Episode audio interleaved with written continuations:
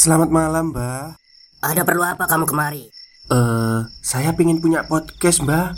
Biar pacar saya makin cinta sama saya. Loh, loh, loh. Mau bikin podcast kok tanya dukun? Sekarang kamu download aplikasi Anchor.fm. Di situ kamu bisa buat podcast gratis dan podcast kamu bisa didistribusikan ke platform mana pun. Dan di aplikasi atau website Anchor.fm juga terdapat fitur-fitur yang memudahkan kamu untuk membuat podcast. Oh, gitu ya, Mbak. Kalau gitu, saya boleh minta password wifi-nya, Mbak. Buat apa? Buat download Anchor.fm, Mbak.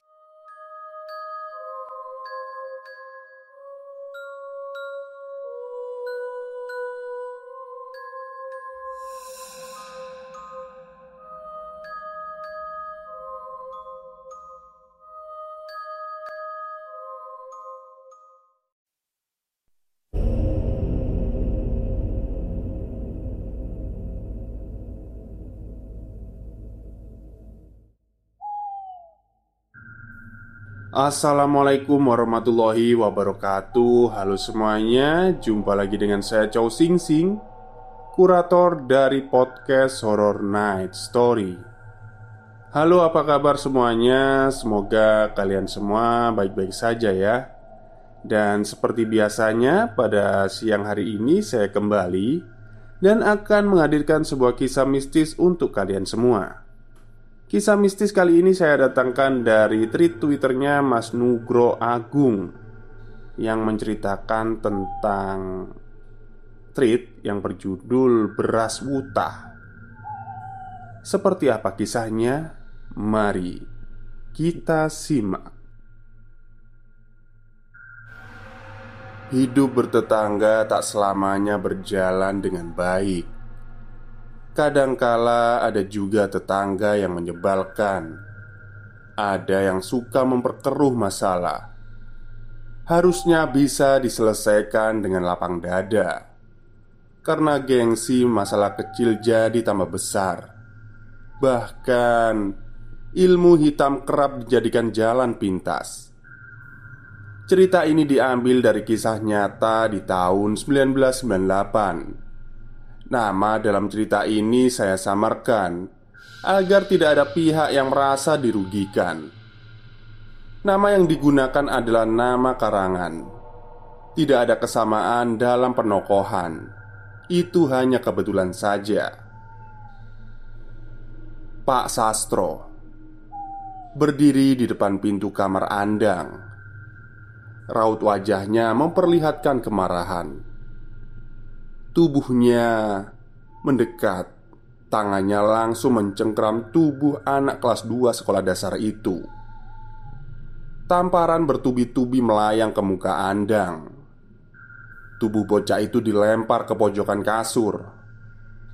Masih belum puas dengan itu semua. Diambilnya bantal dan dipukulkan ke tubuh Andang sampai sobek.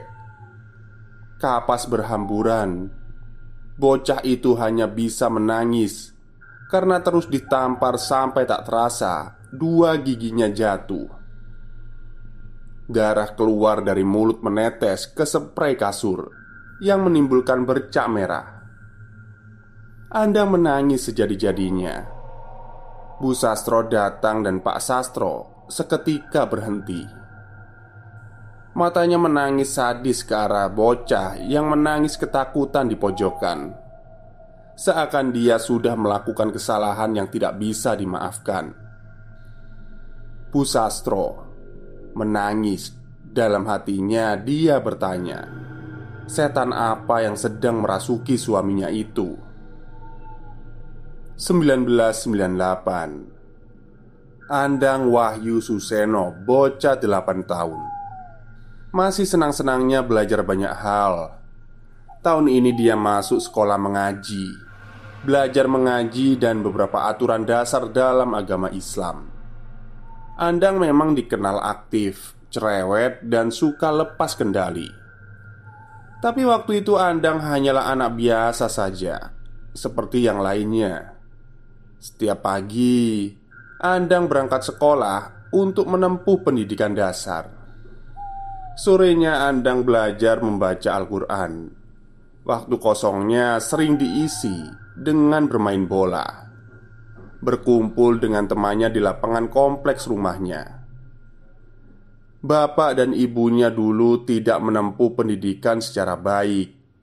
Faktor ekonomi yang kurang merata di desa membuat Bu Sastro putus sekolah dasar dan Pak Sastro tidak bisa melanjutkan pendidikannya setelah lulus SD.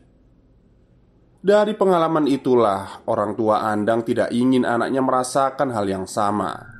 Andang harus bersekolah, harus berpendidikan, agar nasibnya tidak hanya menjadi pedagang kecil yang usahanya saat itu hanya bisa untuk menyambung hidup. Keluarga Sastro berasal dari desa yang berbatasan dengan Jawa Tengah dan Jawa Timur merantau di kota kecil yang berada di utara Pulau Jawa. Harapannya bisa mengubah hidup dengan berdagang di pasar. Sebagai warga pendatang, Pak Sastro selalu bilang kepada Andang, "Dewa Mawacara Negara Mawatata," yang artinya setiap daerah punya aturannya masing-masing. Kita hanya bisa mematuhi dan berusaha hidup damai di dalamnya. Saat Andang belajar mengaji, beberapa teman kompleks rumahnya juga belajar di tempat yang sama. Tak terkecuali Rati, yang rumahnya bersebelahan dengan rumah Andang. Jadi kadang mereka berangkat bersama. Rati terlahir dari keluarga terpandang. Dia lahir di keluarga yang punya pendidikan baik Orang tuanya juga bekerja di dinas pemerintahan. Rumah yang mewah, mobil, motor, dan segala kemewahan yang susah didapatkan keluarga Sastro, dia punya. Tapi ada yang berbeda dari keluarga Rati. Orang tuanya Pak Wandi dan Bu Wandi termasuk orang yang kurang bergaul Keluarga itu terkenal angkuh dan tak akrab dengan tetangga yang lainnya. Pokoknya, jangan sampai membuat masalah dengan keluarga Ruswandi. Mereka keluarga kaya yang selalu tertutup karena sibuk dengan urusan pekerjaannya. Sangat berbeda dengan keluarga Sastro yang penuh kesederhanaan. Andang dan Rati bukanlah teman yang akrab mereka hanya bertemu di tempat mengaji saja. Pelajaran di tempat mengaji tidak hanya mengajarkan cara baca dan tulis huruf hijaiyah, tetapi juga mengajarkan fikih tingkat dasar yang kaitannya soal sholat, puasa, apa yang boleh dimakan, dan apa yang tidak boleh dimakan, serta halal haram guru ngaji sering sekali menyebut kata haram pada hal-hal yang dilarang. Bagi Andang kala itu masih terdengar asing di telinganya. Sampai ketika Andang bertanya, "Kenapa sholat laki-laki dan perempuan itu dipisah?" Ustadz menjawab, "Karena haram hukumnya dan menjadi tidak sah jika sholat laki-laki dan perempuan itu dicampur dalam satu soft. Pak Ustadz juga menjelaskan, sehabis wudhu laki-laki tidak boleh menyentuh perempuan secara langsung, bisa batal karena bukan mahramnya. Mendengar jawaban itu membuat Andang menjadi paham. Namun Andang jadi lebih sering memakai kata haram daripada dilarang dalam aturan agamanya. Kata haram membekas di pikiran bocah itu Yang ternyata malah membawa masalah besar Karena malah menimbulkan kesalahpahaman. Hari selanjutnya ada pelajaran tentang sholat. Semua murid diajarkan untuk praktek gerakan sholat. Hal pertama yang dilakukan dalam sholat adalah wudhu Semua murid berbaris untuk mengambil air wudhu anda mengambil air wudhu saat gilirannya tiba. Di sebelah adalah baris untuk murid perempuan. Selesai wudhu, Andang diajarkan doa setelah wudhu. Saat selesai membaca, tiba-tiba ada Rati di depannya dengan senyum usilnya. Tiba-tiba dia memegang tangan Andang, diikuti dengan raut muka yang menyebalkan. Sontak, bocah itu berteriak, "Rati, ini haram tahu. Aku jadi batal dan harus mengulang lagi." Begitu teriak Andang kencang, yang kesal dengan cara bercanda Rati yang tidak lucu. Ustadz mendamaikan mereka berdua. Rati langsung terdiam. Andang masih kesal karena harus mengulangi proses wudhu lagi. Selama pelajaran sholat, Andang dan Rati tidak saling bicara. Mungkin Rati kaget dengan cara merespon Andang. Mungkin juga Andang yang masih marah dengan ulah Rati. Sepulang mengaji, mereka berdua pulang sendiri-sendiri. Kebetulan Rati saat itu dijemput oleh Bu Wandi. Hari Sabtu, hari libur untuk kegiatan mengaji. Andang melihat ke depan. Dia melihat Pak Sastro yang sedang membersihkan teras depan rumahnya dari daun pohon jambu yang jatuh berserakan. Bu Sastro sedang mencuci di kamar mandi. Merasa tidak ada hal yang bisa dilakukan Akhirnya Andang kembali ke kamar Bermain dengan beberapa mainannya Tak beberapa lama kemudian Sayup-sayup terdengar suara orang ribut di depan rumah Intonasi suara yang tinggi Dan kata-kata kotor yang keluar Terdengar di telinga Andang Kalimat yang diucapkan oleh seseorang. Dasar orang perantau nggak tahu diri. Kalau nggak bisa mendidik anakmu Bawa ke kami Biar kami beri pelajaran. Andang penasaran dengan apa yang terjadi di depan. Baru saja tubuhnya mau berdiri. Dia sudah melihat Pak Sastro Yang berada di depan pintu kamarnya Matanya melihat tajam ke arahnya Mukanya memerah tidak ada kata dari mulutnya yang keluar. Saat itu juga, Pak Sastro menghajar habis-habisan tubuh kecil Andrang tanpa dia tahu apa sebenarnya yang terjadi. Rasa malu membuat pikiran Pak Sastro kacau. Emosinya naik mengalahkan logika. Bu Sastro yang lambat dalam respon masalah ini datang dengan perasaan yang hancur melihat anak lelakinya babak belur dihajar oleh suaminya. Kamar anak itu berantakan, kapas berserakan. Baju anak itu compang-camping, keluar darah dari mulut dan hidungnya serta dahinya. Bu Sastro hanya bisa pasrah dan menangis dan bertanya pada suaminya. Ada apa toh pak? Andang bikin ulah apa lagi? Eh, anak ini selalu bikin malu Jawab Pak Sastro Bapak malu dilabrak oleh keluarganya Ruswandi Di depan tetangga yang lain Bapak dicaci maki Karena masalah yang kamu buat kemarin dengan Rati kemarin Ngomong apa kamu Dang sama Rati? Ngomong apa? Andang masih diam Bingung dan menangis di pojokan Menahan lukanya, menahan rasa takutnya Woi Pak Sastro, kalau nggak bisa mendidik anaknya sampean, bawa ke sini. Saya hajar mulutnya anaknya sampean itu yang rusak. Terdengar suara dari balik tembok kamar Andang. Suara itu adalah suara Bu Wandi yang berteriak dari samping rumahnya. Posisi rumah antar tetangga memang berdempetan. Sialnya lagi, ventilasi rumah keluarga Pak Sastro berada persis di sebelah halaman samping rumah keluarga Ruswandi. Bu Sastro semakin bingung dengan apa yang terjadi. Le, kamu bikin masalah apa sama Rati? Masalah opo toh bu? Anda nggak merasa buat masalah? Jawab Andang yang masih menangis sesenggukan Mulutmu itu londang Kok bisa nyebut kata itu? Kalau ngomong itu dijaga Kamu bilang sama Rati kan kalau dia anak haram Kata Pak Sastro kepada Andang Andang kaget Dia terkejut dengan apa yang dia dengar.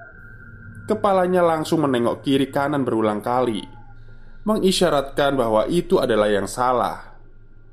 Boten, Pak. Andang cuman plak. Tongkat sapu mengenai kakinya. Andang menangis keras. Berani kamu sama bapak? Mau bilang apa lagi, hah? Pak Sastro memotong pembicaraan. Emosi benar-benar menyelimuti Pak Sastro. Pak, kita dengarkan dulu penjelasannya Andang. Kita dengar dulu penjelasan anak kita, Pak. Ujar Bu Sastro menangis dan langsung memeluk Andang. Berharap agar kekerasan tidak lagi dilakukan oleh suaminya. Pak Sastro jatuh terduduk. Dia melihat anak dan istrinya menangis berpelukan. Bu Sastro langsung mengambil kain untuk membersihkan luka pada wajah Andang. Dang, bener kamu ngomong kalau Rati anak haram. Pertanyaan itu muncul dari mulut Pak Sastro. Maafin Bapak, Bapak hilaf nak. Bapak nggak bisa berpikir jernih. Bapak malu dimaki di depan para tetangga. Semua mata melihat bapak. Bapak bingung harus gimana. Pak Sastro berbicara lirih pada Bu Sastro dan Andang. Pak, Anda nggak ngomong kayak gitu. Salah itu, Pak. Nggak seperti itu. Andang mencoba meyakinkan bapaknya yang sudah lebih tenang. Terus opo le? Bapak malu sama sikap keluarganya Pak Wandi Dia, istri dan anak-anak pertamanya datang tanpa basa-basi Tanpa pertanyaan langsung memaki bapak Menghina bapak kalau bapak nggak bisa mendidik kamu le Sejenak Andang terdiam Bocah kecil itu mencoba menenangkan dirinya Menghentikan tangisnya Dan menahan rasa sakitnya yang masih terasa Stop, stop kita break sebentar. Jadi gimana? Kalian pengen punya podcast seperti saya? Jangan pakai dukun, pakai Anchor. Download sekarang juga. Gratis. Pak, Andang cuma bilang haram bukan anak haram. Andang wudhu Terus disentuh sama Rati. Andang cuma bilang gitu. Bilang kalau haram Bukan Rati anak haram. Pak Sastro tertegun dengan jawaban anaknya. Dalam dirinya dia menyesali telah membuat anaknya kesakitan Beneran kan Le? Kamu gak bohong kan? Cecar Pak Sastro pada Andang. Boten pak. Nek bapak nggak percaya Bapak tanya ke Pak Ustadz. Pak Sastro langsung bangun dari duduknya. Dia berjalan keluar rumah. Langkahnya menuju tetangga sebelah rumahnya. Pak Wandi ternyata masih ada di depan rumah. Heh, sudah kamu ajari anakmu itu untuk bicara baik Kalau belum bawa ke sini Aku hajar mulutnya dengan tanganku Sambutan yang begitu keras langsung menampar Pak Sastro. Beberapa saat dia terdiam. Ngapunten, Pak. Ini sepertinya ada yang salah. Anak saya tidak pernah mengatakan hal itu. Pak Wandi tidak percaya dengan pembelaan Pak Sastro. Alah, omongan anakmu itu Kak sopan, kak iso dipercaya Pak Wandi masih menolak penjelasan dari Pak Sastro.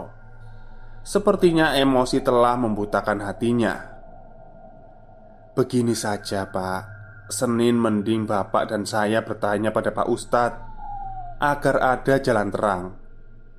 Pak Sastro berusaha memberikan solusi. Ya sudah, saya tidak akan takut. Keluargamu itu yang salah. Dasar orang perantauan gak tahu diri. Pak Wandi langsung masuk ke rumahnya Menutup pintu dengan keras Meninggalkan Pak Sastro yang masih berdiri sendiri Ada apa toh pak? Kok jadi rame banget gini? Tegur Pak Kasdi mengagetkan Pak Sastro Yang masih berdiri mematung di depan pagar rumah Pak Wandi Hari Senin pun akhirnya tiba Sore itu Pak Sastro dan Pak Wandi Sudah berada di tempat mengaji Mereka berdua bermaksud meluruskan masalah yang terjadi Masalah yang timbul karena adanya salah paham Saat ditemui Pak Ustadz menjelaskan apa yang sebenarnya terjadi. Haram yang dimaksud Andang memang merujuk pada hal yang benar. Setelah wudhu, laki-laki tidak boleh bersentuhan dengan wanita secara langsung, bisa batal, haram hukumnya. Mendengar penjelasan itu, Pak Sastro merasa lega, sekaligus menyesal telah melakukan tindakan yang gegabah pada anaknya. Namun lain dengan Pak Wandi. Bukannya menerima Dia malah lebih marah. Tidak mau anaknya disalahkan Dan tidak mau meminta maaf pada Pak Sastro. Sastro, ini nggak benar. Anak saya nggak mungkin salah dengar. Saya tidak percaya dengan hal ini Ucap Pak Wandi dengan nada tinggi. Pak, sudah. Masalahnya sudah jelas. Yang sudah terjadi ya biarkan terjadi. Saya sudah ikhlas dengan perkataan yang Pak Wandi ucapkan kepada saya Sudah ya, jangan diperpanjang lagi. Pak Wandi bangun dari duduknya. Heh, kamu nggak tahu ya berurusan dengan siapa? Kamu di sini tuh hanya perantau Datang untuk berdagang. Berani-beraninya buat masalah dengan saya. Saya itu asli orang sini. Sadar posisimu. Aku gak terima Kalimat tersebut menutup pertemuan sore itu. Pak Wandi bergegas meninggalkan tempat ngaji Menuju ke rumahnya. Dalam perjalanan pulang Pak Sastro jadi teringat dengan apa yang dikatakan oleh Pak Kasdi. Pak Wandi itu orangnya keras Gengsinya tinggi Dan selalu ingin merasa benar. Kalau saya sih malas berurusan dengan orang itu. Mainnya nggak cuma yang kelihatan Ada kabar Dia suka sekali menggunakan hal-hal yang tak kasat mata Untuk membuat jerah orang yang dia tidak sukai. Kata-kata dari Pak Kasdi membuat pikiran Pak Sastro buyar. Banyak hal yang dia pikirkan. Pak Sastro tahu Pak Wandi itu memang orang yang tidak akur dengan tetangga yang lain. Sering sekali ribut dengan tetangga yang lain, termasuk juga dengan Pak Kasdi. Masalahnya hal-hal sepele, tapi imbasnya hal yang merugikan. Oke, itulah akhir cerita dari tweet yang dituliskan oleh Mas Nugro Agung. Tapi ini part pertamanya ya, jadi part keduanya besok karena ini panjang sekali. Baik, Sekian cerita untuk siang hari ini. Kurang lebihnya saya mohon maaf. Wassalamualaikum warahmatullahi wabarakatuh.